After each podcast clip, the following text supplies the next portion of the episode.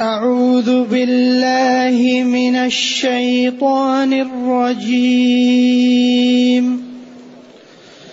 والسابقون الأولون من المهاجرين والأنصار والذين اتبعوهم بإحسان والذين اتبعوهم بإحسان رضي الله عنهم ورضوا عنه وأعد لهم جنات تجري من وأعد لهم جنات تجري تحتها الأنهار خالدين خالدين فيها أبدا. ذلك الفوز العظيم. وممن حولكم من الأعراب منافقون. ومن أهل المدينة مردوا على النفاق لا تعلمهم. نحن نعلمهم سنعذبهم مرتين ثم يردون إلى عذاب عظيم.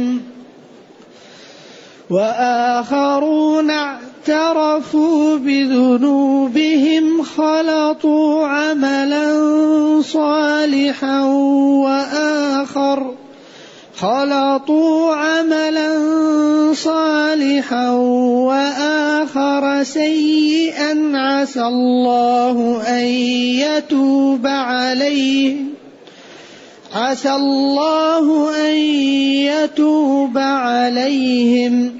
إن الله غفور رحيم.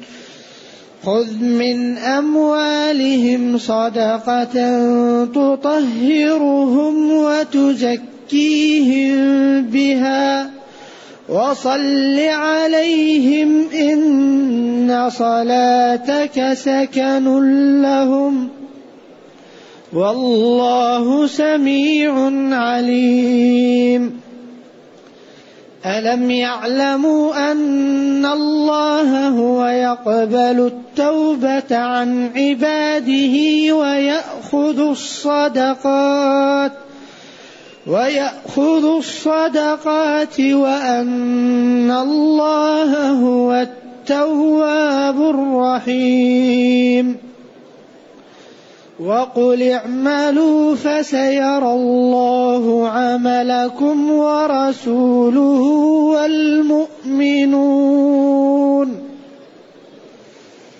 وستردون إلى عالم الغيب والشهادة فينبئكم فينبئكم بما كنتم تعملون.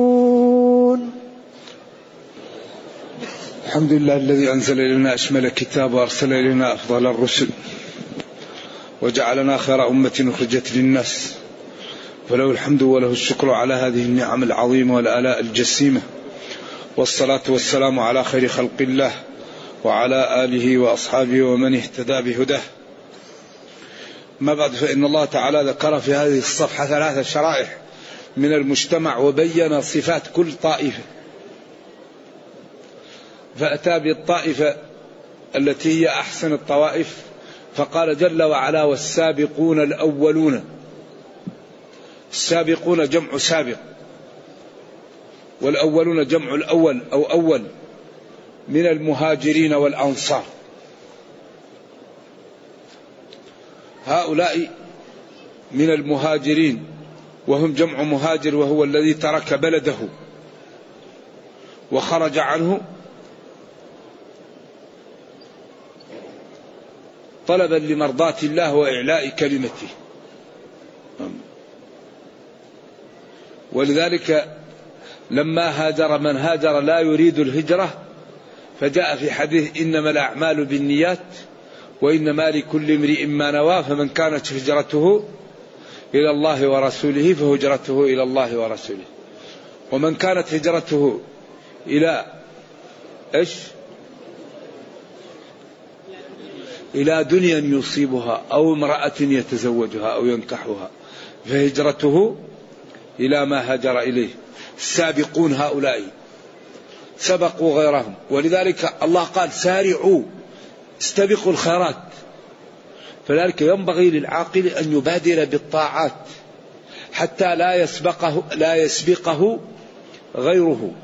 بعدين قال لا يستوي منكم من أنفق من قبل الفتح وقاتل. أولئك أعظم درجة من الذين أنفقوا من بعد وقاتلوا. فالسبق له ماذا؟ له له قيمة. الأولون من المهاجرين. المهاجرون هم الذين تركوا ديارهم لإعلاء كلمة الله. وكانت الهجرة في أول الإسلام واجبة والذي لم يهاجر وهو يستطيع يكاد يكفر. ترك الهجرة مع قدرة قريب من الكفر. لأنه قال قالوا فيما كنتم؟ قالوا كنا مستضعفين في الأرض. قالوا ألم تكن أرض الله واسعة فتهاجروا فيها فأولئك مأواهم جهنم. وساءت مصير إلا المستضعفين. فهؤلاء السابقون الأولون من الذين تركوا أوطانهم. طبعا لما فتحت مكة لا هجرة بعد الفتح من مكة للمدينة لأن مكة أصبحت بلد الإسلام. ولكن جهاد ونية وإذا استنفرتم فانفروا. لكن الهجرة مفتوحة إلى قيام الساعة للمسلم إذا لم يستطع أن يقوم بدينه يتحول للمكان الذي يعبد الله فيه لأن المهم للعبد أن يعبد الله. فأي مسلم في مكان لا يستطيع أن يعبد الله ولا أن يمارس دينه يرحل. وفي الأرض منأ للكريم عن الأذى وفيها لمن خاف القلى متحول. قال تعالى قل يا عبادي الذين آمنوا إن أرضي واسعة واسعة. إيش؟ فإياي فاعبدون. أرضي واسعة فإياي فاعبدون. المهم العبد يعبد الله. فإن كان في محل إذا حضر صلاة الفجر يؤذى يذهب لمحل إذا طلع جاء لصلاة الفجر لا يؤذى. فإن كان في محل إذا أظهر السنة يؤذى يرحل لبلد لا يؤذى. فلذلك أهم شيء العبد يعبد الله. والأنصار جمع أنصاري وهم الذين ناصروا المسلمين لما جاءوهم وآثروهم على أنفسهم ولو كانت بهم خصاصة. لذلك مودحوا وأكرموا وخوف من لا يحب الأنصار. لا يكرههم إلا منافق الأنصار ولا يحبهم إلا مؤمن.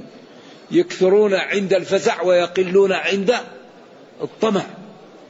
وقال لهم اصبروا وستجدوا أثر عليكم. فاصبروا حتى تلقوني على الحوض.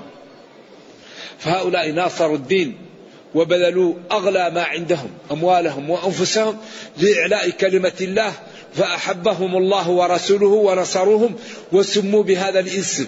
قال أنس لما سأل هل أنتم سميتم الأنصار؟ من قبل الإسلام والله هذا سماكم به الإسلام. قال سمانا الإسلام الأنصار. هذا اسم جميل. إذا السابقون الأولون من المهاجرين والأنصار والذين اتبعوهم بإحسان.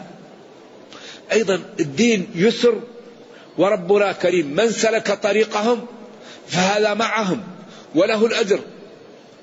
رضي الله عنهم بما قاموا به من التوبة والعمل الصالح وممارسة دينه والبعد عن معصيته ورضوا عنه بما أعطاهم من الكرامة ومن النعمة وبما أوفى لهم من الأجر العظيم على ما قاموا به.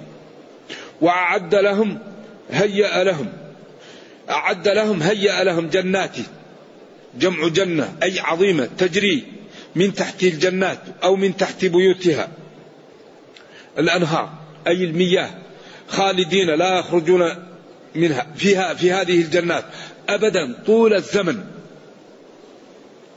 ذلك الفوز العظيم. لا ما يقوم به المنافقون والكفار. ذلك الذي حصل, له حصل لهم ونالوه الفوز العظيم. قلنا إن الفوز هو أن يأمن الإنسان مما يخاف ويدرك ما يرغب فيه. هذا هو الفوز. إذا كنت تخاف من شيء تأمن منه وترغب في شيء تدركه فقد فزت. ولذلك قال فمن زحزح عن النار وأدخل الجنة فقد فاز. وذلك الفوز العظيم. وهو رضا الله ورضاهم عنه بما بذل لهم وتوبته عليهم وإعطاؤهم النعيم المقيم وجمعهم مع أحبتهم في أحسن مكان في نعيم مقيم فيه ما تشتهيه الأنفس وتلذ الأعين وهم فيها خالدون عطاء غير مجدود ظل ممدود ماء مسكوب وفاكهة كثيرة لا مقطوعة ولا ممنوعة وفرش مرفوعة. إنا أنشأناهن انشاء فيها ما تشتهيه الأنفس وتلذ الأعين. فيها ما لا عين رأت ولا أذن سمعت ولا خطر. إذا هذا الذي ينبغي أن يبذل فيه. هذه الجنة هي التي أن يبذل لأجلها.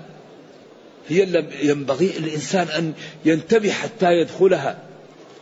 لأنها عظيمة. وبعدين الثمن يؤخذ منا قليل. لكن ينبغي أن نبذله لنأخذ لنرى الجنة. أما الواحد يريد الجنة وهو لا يريد أن يشتغل ما حصل هذا. ثم قال جل وعلا وممن حولكم أيها المخاطبون من الصحابة ونبيكم من الأعراب من أهل البادية منافقون. إذا قيل من القبائل الموجودة أسلم وظفار وجهينة وغيرها ممن حول المدينة كان بعضهم فيه نفاق. وممن حولكم من الأعراب منافقون. ومن أهل المدينة أيضا. وقيل في الكلام تقديم وتأخير وهذا ضعيف. وممن حولكم من الأعراب يعني ومن أهل المدينة مردوا على النفاق وممن حولهم من الأعراب. لكن هذا فيه ضعف لأنه يغير سياق الكلام. وممن حولكم من الأعراب منافقون. أي ومن سكان البادية حول المدينة من العرب منافقون. أظهروا الإسلام وأبطلوا الكفر الكفر. ومن أهل المدينة جماعة مردوا استمروا وعتوا وأدمنوا على النفاق من بداية مجيء الإسلام للمدينة وقوته. لأن المرض هو الاستمرار على الشيء. تقول غصن مارد لا أوراق فيه. وتقول يعني جسم مارد لا شعر فيه. صرح ممرد مملس. يعني كأنهم مردوا استمروا وأدمنوا وداوموا على إيش؟ على النفاق حتى أصبحوا يعني عندهم خبرة كبيرة وأصبحوا قدوة في الفساد وفي إيش؟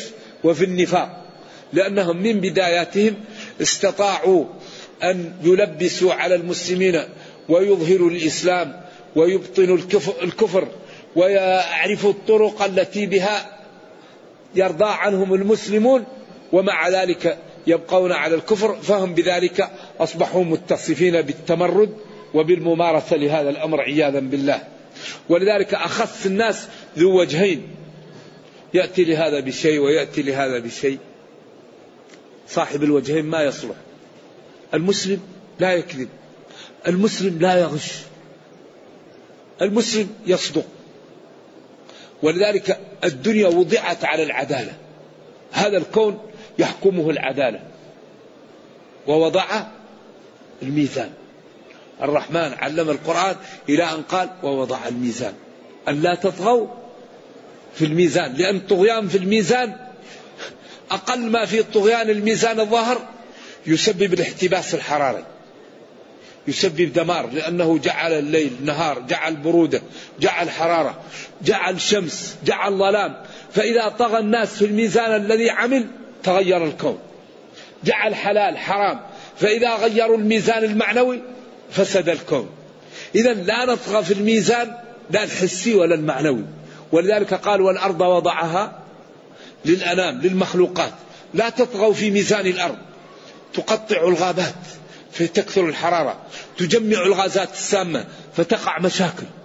تجعل الليل نهار تجعل البرودة نهار. كل هذا الطغيان في الميزان. تجعل الحلال حرام الحرام حلال. فلا تطغوا في الميزان لا الحسي ولا المعنوي حتى تبقى الأمور فإذا طغينا في الميزان هذا يقلب الأمور. ذلك كل المشاكل سببها الطغيان في ميزان الحلال والحرام. الله يقول شيء حلال يأتي الشيطان ويقول حرام. يقول شيء حرام يأتي الشيطان ويقول حلال. شوف الآن كيف المسلمون. قال في حق النساء يدنين عليهن. قال يصفعن إلى الركب. قال للرجل يرفع قال لا ينزل حتى تحت الكعب. قال الله أحل الله البيع وحرم الربا. قال الشيطان أحللت الربا وحرمت البيع. ولذلك قال إن الشيطان لكم عدو. كل ما يأمر الله بشيء يأمر الشيطان إيش؟ بضده. ذلك أخطر شيء المعاصي. أخطر شيء الطغيان في الميزان. لذلك الآن الدول المتطورة الغير مسلمة علمت أن العدالة تقويها. فيطبق النظام يبحث عن العلم يبحث عن الاستشارة يبحث عن الإبداع. يخاف من الظلم يخاف من الغش لأنهم علموا من ظاهر الحياة الدنيا أن الغش يدمر دنياهم. فهم يصدقون لصلاح دنياهم. يعلمون ظاهرا من الحياة الدنيا.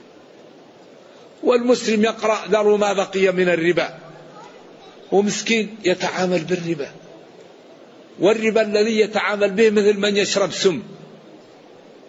التعامل بالربا مثل من يحقن دمه سم أو يحتسي سم يشرب. لأن الله يقول يمحق ذروا فإن لم تفعلوا فأذنوا. بحرب ومن أصدق من الله قيلا ومن أصدق من الله حديثا. لذلك أكبر ما يهدد الكرة الأرضية الربا. لا يوجد شيء أعظم من الربا. لذلك قال ذروا ما بقي من الربا. أحل الله البيع وحرم الربا. فإن تبتم فلكم رؤوس أموالكم. فمن جاءه موعظة من ربه وانتهى فله ما سلف. ديننا دين السماحة والسهالة والعدالة والجمال والحسن. فحري بنا أن نفهمه ونعمل به حتى نسعد في دنيانا ونرحم في أخرانا. فيقول جل وعلا وممن حولكم حول المدينة في جوانبها من الأعراب العرب الذين يسكنون البادية منافقون يظهرون الإسلام ويبطنون الكفر. ومن أهل المدينة سكان المدينة عتوا واستمروا على النفاق لا تعلمهم. نحن الله يعلمهم. ما يعلمهم إلا الله. لكن هؤلاء سنعذبهم مرتين. وتعال بعضهم قال التعذيب الأولى بموت أبنائهم وفقد مالهم. التعذيب الأول بتقديلهم بتقتيلهم. التعذيب الأول بأسرهم. التعذيب الأول بفضحهم. وببيان القرآن لهم لأن هذا التعذيب لهم يعريهم القرآن حتى كل واحد يعرف يعرف نفسه. كما قال سلقوكم بألسنة حداد أشحة عليكم فإذا ذهب فإذا ذهب الخوف سلقوكم بألسنة حداد وإذا جاء شيء يودوا لو أنهم بادون في الأعراب يسألون عن أنبائكم ولو كانوا فيكم ما قاتلوا. وإذا جاء نصر يقول يا ليتني كنت معهم. فأفوز فوزا عظيما. يعني يعرون بصفاتهم وب حتى يعرفوا إذا العذاب الأول قيل ما يحصل لهم من قتل الأولاد والمال وقيل الأسر وقيل الفضيحة وقيل تألم القلوب. والعذاب الثاني قيل ما يجدونه من العقوبة في القبر عذاب القبر.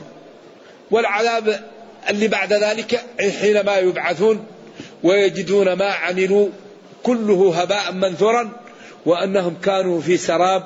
كما قال انظرونا نقتبس من نوركم.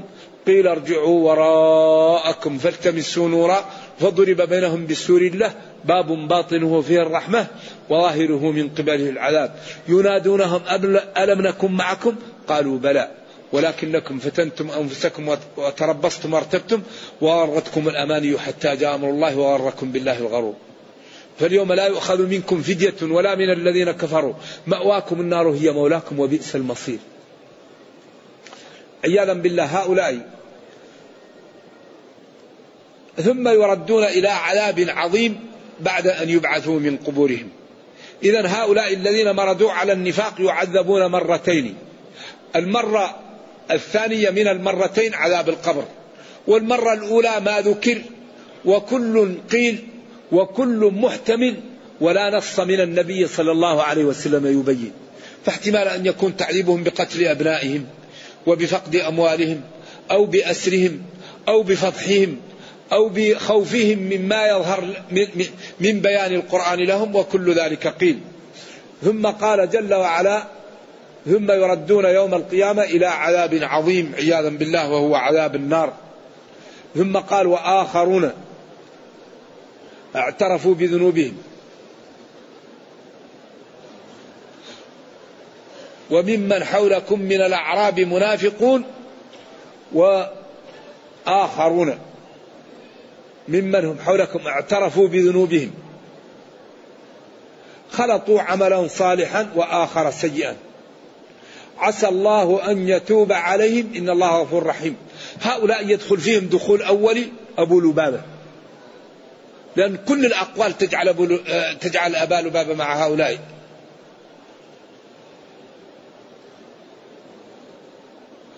وقيل عشرة وقيل سبعة وقيل ستة. هؤلاء لما جاء النبي صلى الله عليه وسلم ربطوا نفوسهم بالسواري وقالوا والله لا نحل حتى يحلنا. قال الرسول صلى الله عليه وسلم في الآثار الذي صالح والله لا أحلكم حتى ينزل فيكم قرآن. فلم يتأخروا يوم يومين جاء القرآن وتيب عليهم وفك. أما الثلاثة الذين خلفوا سيأتون. هل هم مع هؤلاء أو مستقلون؟ أقوال ولكن سيأتي تفصيلهم من بعد. إذا وآخرون من جملة من هم مخاطبون من سكان المدينة اعترفوا بذنوبهم. قالوا نحن أخطأنا وتخلفنا ولا عذر لنا. فلا بد أن نظهر ما فعلنا ليتوب الله علينا.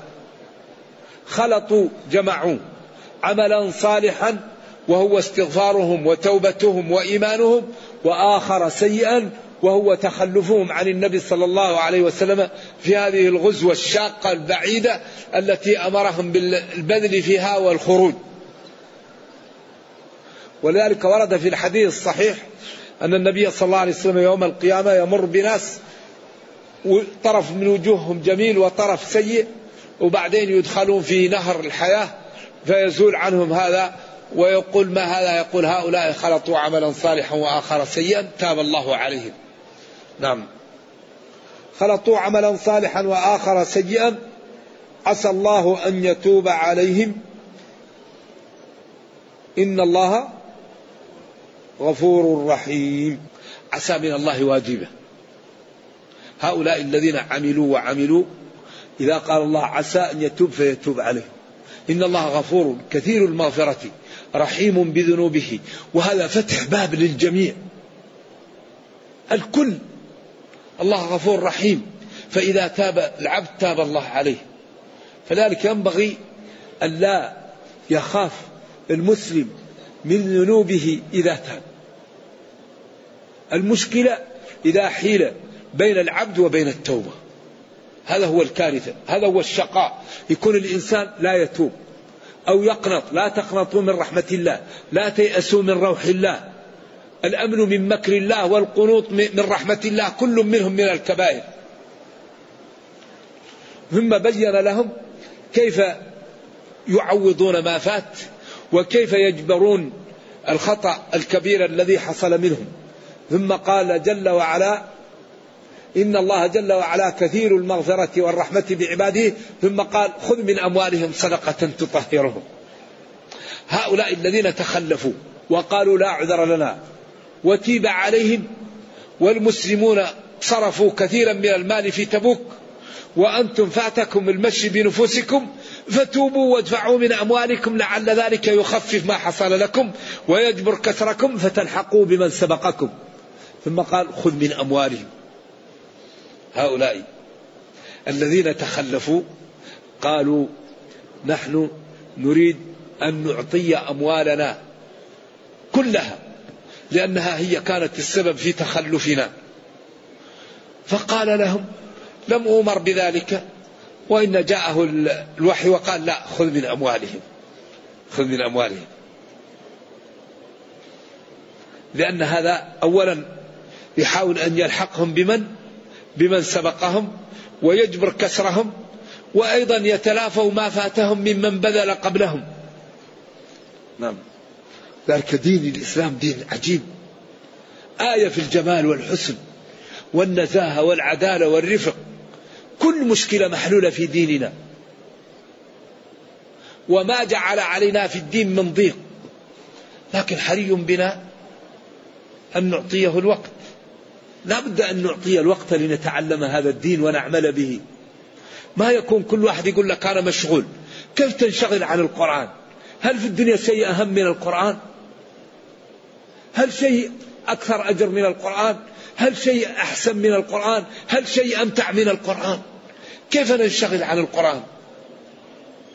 كيف نهجر القرآن؟ كيف لا نتأمله؟ كيف لا نعمل بأوامره؟ نجتنب نواهيه نتأدب بآدابه نتخلق بأخلاقه. يقول جل وعلا خذ يا نبيي من أموال هؤلاء المتخلفين صدقة. تطهره صدقة. يعني هل هذا تنكير للتعظيم أو ل يعني صدقة مخلصا فيها أو صدقة جابرة لما حصل منهم أو صدقة عظيمة تطهرهم؟ أي التطهير ضد التنجيس. ودفع المال يطهر المال ويزكيه ويطهر صاحبه. فلذلك حرم آل البيت من أن يأخذوا الزكاة لأنها طهارة للناس. فالله جعل آل بيته لا تجوز عليهم الصدقة لا يأخذونها أبدا. آل البيت لا تجوز عليه لا تحل لهم الصدقة. إلا إذا اضطروا وصارت مثل الميتة لم يجدوا غيرها. صدقة تطهرهم أي تنظفهم وتزكيهم بها وتنمي أحوالهم. من حسناتهم وأموالهم وأنفسهم. بعدين وصل عليهم. ادعو لهم. إن صلاتك أو صلواتك سكن لهم أي طمأنينة لهم وتثبيت. والله سميع لأقوالكم عليم بنياتكم. طبعا الآية التي قبل هذا وأعد لهم جنات تجري تحتها الأنهار. هذه قراءة الجمهور وقرأ قارئ مكة بن كثير جنات تجري من تحتها الأنهار. فمن هنا في قراءة سبعية صحيح وحذفها صحيح. ولذلك كتب عثمان رضي الله عنه مصاحف وأرسلها للبلاد. فبعض في من تحتها الأنهار وبعض تحتها النار وبعض في سارعوا وبعض في وسارعوا وبعض في وهو الله وبعض فيها الله. والذين اتخذوا الذين اتخذوا. وبعض في بسم الله الرحمن الرحيم وبعضها ليست معدودة آية. هكذا. ولذلك لما قرأ عمر سمع الصحابي يقرأ سورة الفرقان على غير ما أقرأه إياها رسول الله صبر صبر عنه حتى سلم ثم لببه. وقال من أقرأك هذا؟ قال رسول الله قال كذبت أنا أقرأنيها على غير هذه القراءة. فجاء به وعمر كان رضي الله عنه. حازم كيف يقرأ القرآن على شيء ما نزل؟ فلما جاء للنبي صلى الله عليه وسلم قال له أرسله يا عمر اقرأ. قال هكذا أنزلت. ثم قال لعمر اقرأ. قال هكذا أنزلت. ثم قال إن القرآن أنزل على سبعة أحرف. أي على جهات متعددة للتيسير والتخفيف. وما يقوله بعض من لم ينتبه أنهم كانوا مخير مخيرين بيقرأوا بما شاءوا؟ لا. كانوا مخيرين أن يقرأوا بما نزل من عند الله. القرآن لا يقرأ إلا بما نزل به. أما أنه يخير يقرأ يصلى ويصلى وأسرى وأسارى وتحتها ومن تحتها من نفسه هذا لا يقول به مسلم. ومن قال به فهو باطل باطل. ولذلك نبينا صلى الله عليه وسلم لما نزل عليه القرآن أحقن. يعني أخذ العلم الموجود في القرآن وجعل في قلبه. ولذا قضيته لا تقاس بغيره. لأنه قد واحد يقول كيف يقرأ هذه القراءات كلها في وقت واحد؟ هذا جبريل جبريل أحقنه إياه. ولما كان يحاول أن يحفظ قالوا لا تحرك به لسانك لتعجل به. إن علينا جمعه وقرآنه فإذا قرأناه فاتبع قرآنه فاتبع قراءته. لا لا تتحرك. نحن نجعل قلبك يحفظه ولذلك قال أنسيتها. إني لا أنسى ولكن أنسى. ما ننسخ من آية أو ننسها نأتي بخير منها أو مثلها. وإذا بدلنا آية مكان آية والله أعلم بما ينزل الآية. فلذلك هذه بعض الأمور تقع لبعض الناس وكثير من القراء والفضلاء والنحويين واللغويين وبعض الصحابة وبعض التابعين روي عنهم طعن في القراءات وهم محجوجون بالواقع. كل من يطعن في القراءات المتواترة الحق ليس معه. لأن هذه القراءات المتواترة تجاوزت القنطرة. هي متواترة ونزلت والعشر متواترة وما عداها الآن شاذ لا يصلى به. ولا تقرأ يقرأ القرآن به وهي محفوظة ومبينة وينبغي لمن يريد أن يخوض في هذا أن يكون على خلفية فيه. إذا اللغويون والنحويون وكثير من السلف طعنه في القراءات المتواترة خطأ ومحجوج بتواترها وبعربيتها وبأن اللغة العربية وواقع اللغة يثبتها وأنها متواترة. وكذلك الترجيح بين القراءات المتواترة هذا لا يكون لأن الله علمه محيط بكل شيء والبشر علمهم عاجز عن كل شيء فكيف يقاس ما يتناهى بما لا يتناهى؟ ذلك من يقول مالك أفصح من ملك أو ملك مالك؟ هذا غلط. كل القراءات المتواترة فصيحة. والأفصح ولكن يقال هذا الاستعمال أكثر في اللغة العربية من هذا. يقال هذا الاستعمال أكثر من هذا ولذلك المالك من له التصرف الخاص والملك من له التصرف العام فبالقراءتين تكون الكلمة كالكلمتين. فالله هو المالك والملك. ولذلك هذا من إعجاز القرآن وكثرة معانيه. يقول جل وعلا خذ من أموال هؤلاء صدقة تطهرهم وتزكيهم بها وادع لهم إن دعاءك سكن وطمأنينة لهم. والله سميع لأقوالكم عليم بليانتكم ثم قال ألم يعلموا أن الله هو يقبل التوبة عن عباده ويأخذ الصدقات وأن الله هو التواب الرحيم؟ ألم يعلموا أن نبينا لا دخل له وإنما هو مبلغ ومنفذ لأمر الله تعالى فيقبل الصدقة من هذا ويفرضها على هذا ويتوب على هذا ويشقي هذا. ونبينا مبلغ. الله هو اللي يقبل التوبة عن عباده وهو الذي يأخذ الصدقة ويتقبلها ويأمر نبيه بالتنفيذ وأنه جل وعلا سميع وأنه جل وعلا كثير التوبة لعباده رحيم بهم.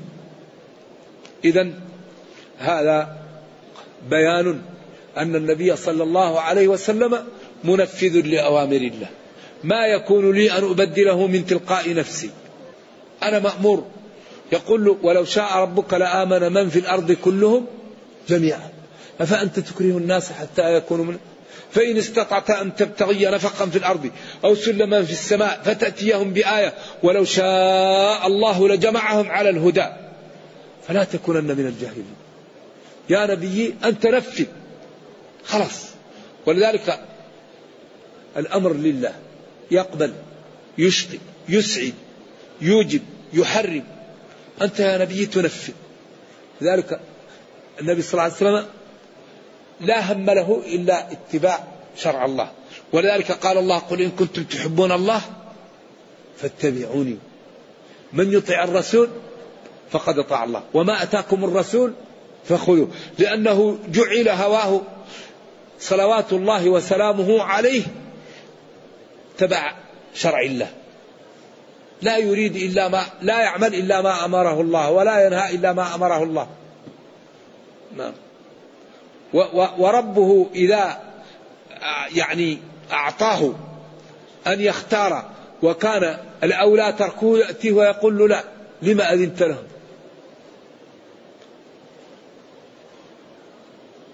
يبين له. لما تحرمه فلذلك كان يقول أهلا بمن عاتبني فيه ربي أنتم أعلم بأمور دنياكم. فما ينطق عن الهوى ولا ينطق إلا عن وحي فإن سمح له بالاجتهاد في بعض الأمور وكان اجتهاده غيره أولى منه جاء الشرع وقال له الأولى كذا. نعم. صلوات الله وسلامه عليه. لذلك الاعتدال والخير في الاتباع في اتباعه. فمن زاد عنه أخطأ ومن نقص أخطأ. ولكن نتبعه. وأمر أن هذا الدين دين السماحه والعدل. قال إني أنام وأصلي. وأصوم وأفطر وأتزوج النساء. فمن رغب عن سنتي فليس مني. والله إني لأتقاكم لله وأعلمكم به. أما إني لأفعل وأفعل.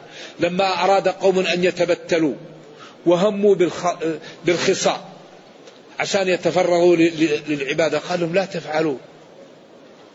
إن لنفسك عليك حق ولأهلك عليك حق ولزورك عليك حق. فأعط كل ذي حق حقه. كان بعض السلف يقول أطلب في نومتي ما أطلب في قومتي.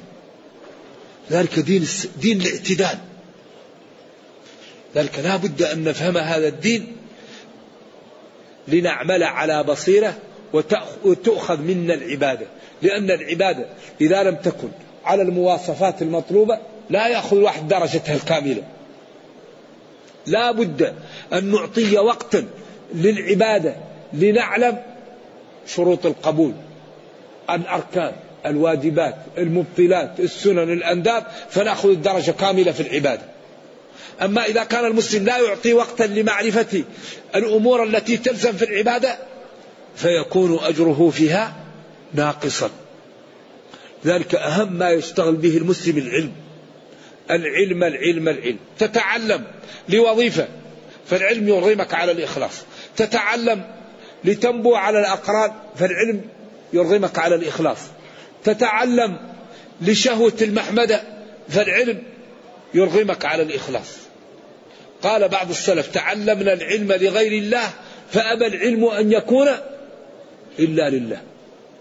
الإنسان إذا تعلم لازم يخلص. لأنه يعلم أن الله تعالى قال وقدمنا إلى ما عملوا من عمل فجعلناه هباء منهار. ومن يشرك بالله فقد حرم الله عليه الجنة. فإذا تعلم الإنسان علم خطورة الشرك وخطورة النفاق وخطورة أذية الجيران وخطورة عقوق الوالدين وخطورة الربا وخطورة ترك الصلاة وخطورة الوقوع في أعراض المسلمين فالتزم وتجنب فنجا وسلم وسعد في دنياه وأخراه.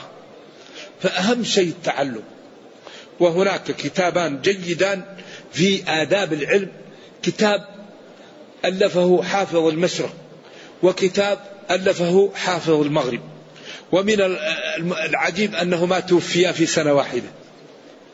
حافظ المغرب بن عبد البر كتاب جامع بيان العلم وفضله. وحافظ المشرق الخطيب البغدادي في كتابه الفقيه والمتفقه. وهما ماتا في سنة واحدة.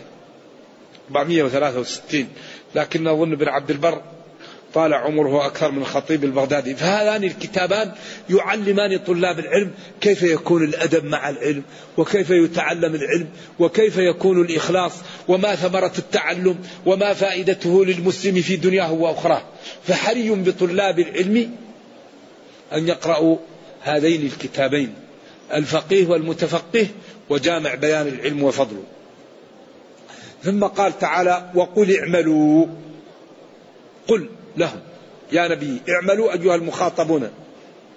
ممن تخلف وممن سبق فسيرى الله عملكم ويكتبه ويراه.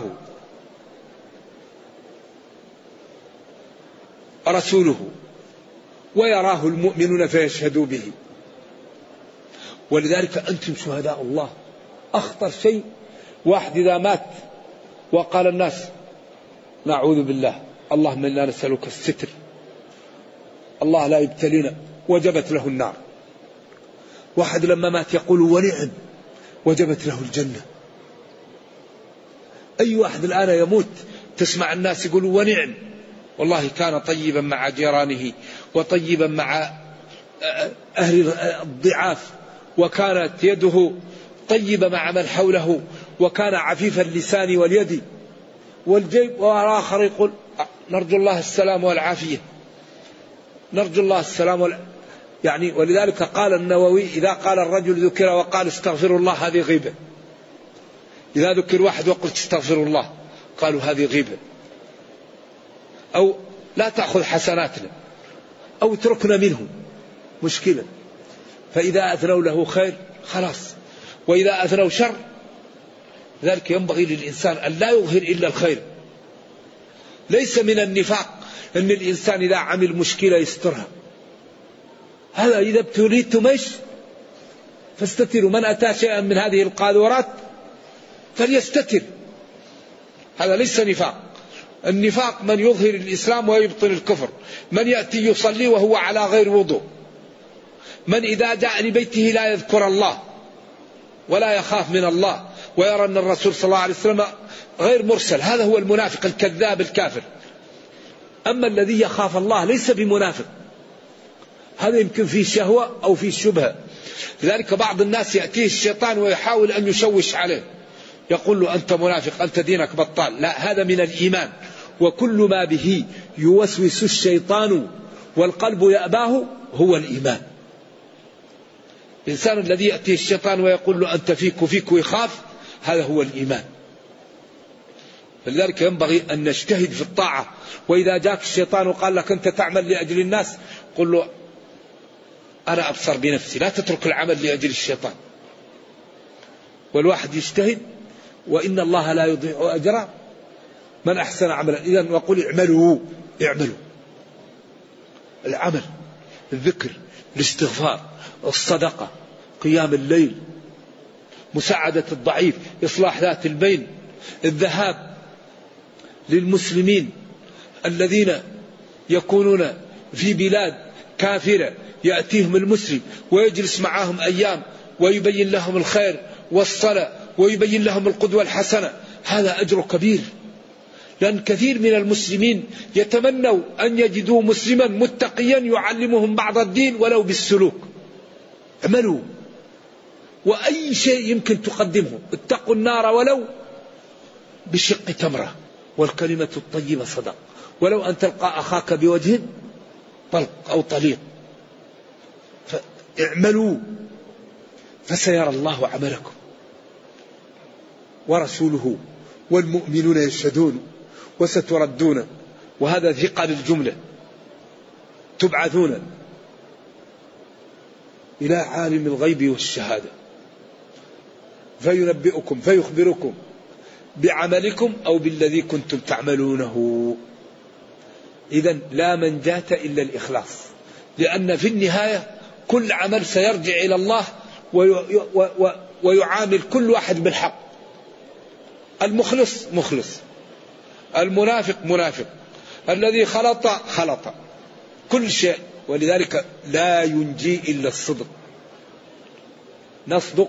نرجو الله جل وعلا أن يلهمنا وإياكم الصدق والإخلاص وأن يرينا الحق حقا ويرزقنا اتباعه وأن يرينا الباطل باطلا ويرزقنا اجتنابه وأن لا يجعل الأمر ملتبسا علينا فنضل. اللهم ربنا أتنا في الدنيا حسنة وفي الآخرة حسنة وقنا عذاب النار. اللهم إنا نسألك أن تغفر لنا ذنوبنا كلها دقها وجلها أولها وآخرها علانيتها وسرها. سبحان ربك رب العزة عما يصفون وسلام على المرسلين والحمد لله رب العالمين والسلام عليكم ورحمة الله وبركاته. هذا يسأل عن قوله تعالى لقد ظلمك بسؤال نعجتك إلى نعاده هذه الآية من أكثر آيات القرآن إشكالا. وأحسن كلام سمعته فيها ما نقله السيوطي في الإكليل عن السبكي. فقال إن القضية مثل. ضربه الله لهذا الرجل الصالح الذي كان إذا ذهب لمحرابه يتعبد يتحسر على الخصوم وإذا ذهب إلى الخصوم يتحسر على إفاتة العبادة. فجاءه ملائكة وتسلقوا عليه من فوق وقالوا له خصمان فارتاع منهم ثم بين أن الله تعالى فتنه بهذا وأن تخلفه عن الخصوم كان الأولى منه أن لا يتخلف ويفض الخصوم ثم بعد ذلك يعبد الله ثم آه، خر ساجدا لذلك. وقال ابن كثير هذه القضية لا نعدو فيها ما قال الله وما قاله المفسرون كثير منهم باطل لأنه يغض من جانب النبوة وهو كذب وإسرائيليات. نعم. لذلك كثير مما قال المفسرون على هذه الآية باطل باطل. لأنه فيه أيوة لأنه فيه إثراء بال وأمر لا ينبغي. نعم. لا نأخذ ما ظهر. أحسن كلام كلام الحافظ بن كثير. نعم. على أن في بعض الأمور غير مقبولة. نعم. لكن هو يعني رجل متطلع من السنة لكن تسرب لبعض الكلام لإسرائيليات كما تسربوا عند قوله تعالى وتخفي في نفسك ما الله مبديه. هذا جلة من العلماء وقعوا في الخطأ من غير تعمد لأن الله قال وتخفي في نفسك ما الله مبديه والذي أبدى الله زواجه منها. قال المفسرون كثير منهم إنها وقعت في قلبه وأنه قال سبحان مقلب القلوب. هذا باطل لأن الله ما أبدى هذا. قال فلما قضى زيد منها وطرا زوجناكها. لأن الله أخبره أن تكون له زوجا أن تكون له زوج وهي إيش؟ تحت زيد. فاشتكى زيد منها فقال له أمسك عليك زوجك. فعاتبه الله قال وإذ تقول للذي أنعم الله عليه بالإيمان وأنعمت عليه بالعتق امسك عليك زوجك واتق الله تقول له أمسك عليك زوجك وتخفي في نفسك إخباري لك بأنها تكون لك زوجة وتخشى الناس في قولهم محمد تزوج ابنة متبنيه والله حق أن تخشاه في, في أن لا تقول له امسك عليك زوجك. أما أنها وقعت في قلبه فهذا باطل باطل لأن الله قال ما الله مبديه والله ما أبدى أنها وقعت في قلبه. ولذلك يتنبه من هذه الأمور لأن سبحان الله الإنسان ضعيف وكم من واحد يخفى عليه النص كما خفي على كثير من العلماء يخرج يخرج منهما اللؤلؤ والمرجان ويقول من خصوص المالح قال يخرج منهما. كيف من خصوص المالح والله يقول وما يستوي البحران. هذا عذب فرات سائغ شرابه. وهذا ملح نجاج ومن كل تنوين عوض. أي ومن كل من الحلو والمالح.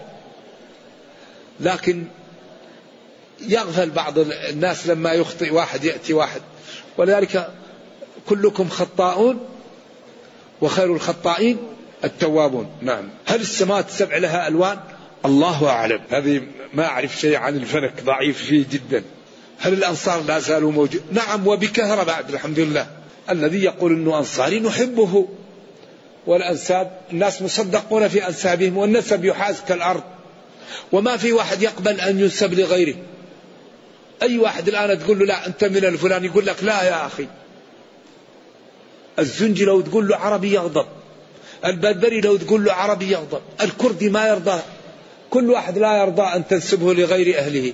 ولذلك من رحمة الله بالخلق أن كل إنسان لا يريد أن ينسب. كل إنسان راضي بإيش؟ بنسبه.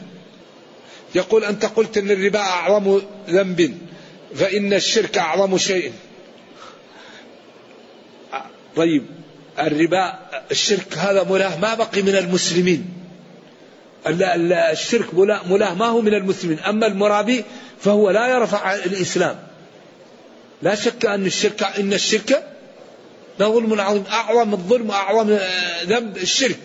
لكن الربا أيضا عظيم لأن الربا قال العلماء كل ذنب عليه عقوبة إلا في الدنيا إلا إلا الربا ما عليه عقوبة لعظمه. وقال فإن لم تفعلوا فأذنوا بحرب. لا شك أن أن الشرك أعظم. جزاك الله خير. أنه كمن يأتي أمه علنا أقله. رجل اعتمر ولم يقصر حتى وصل المدينة يقصر. بس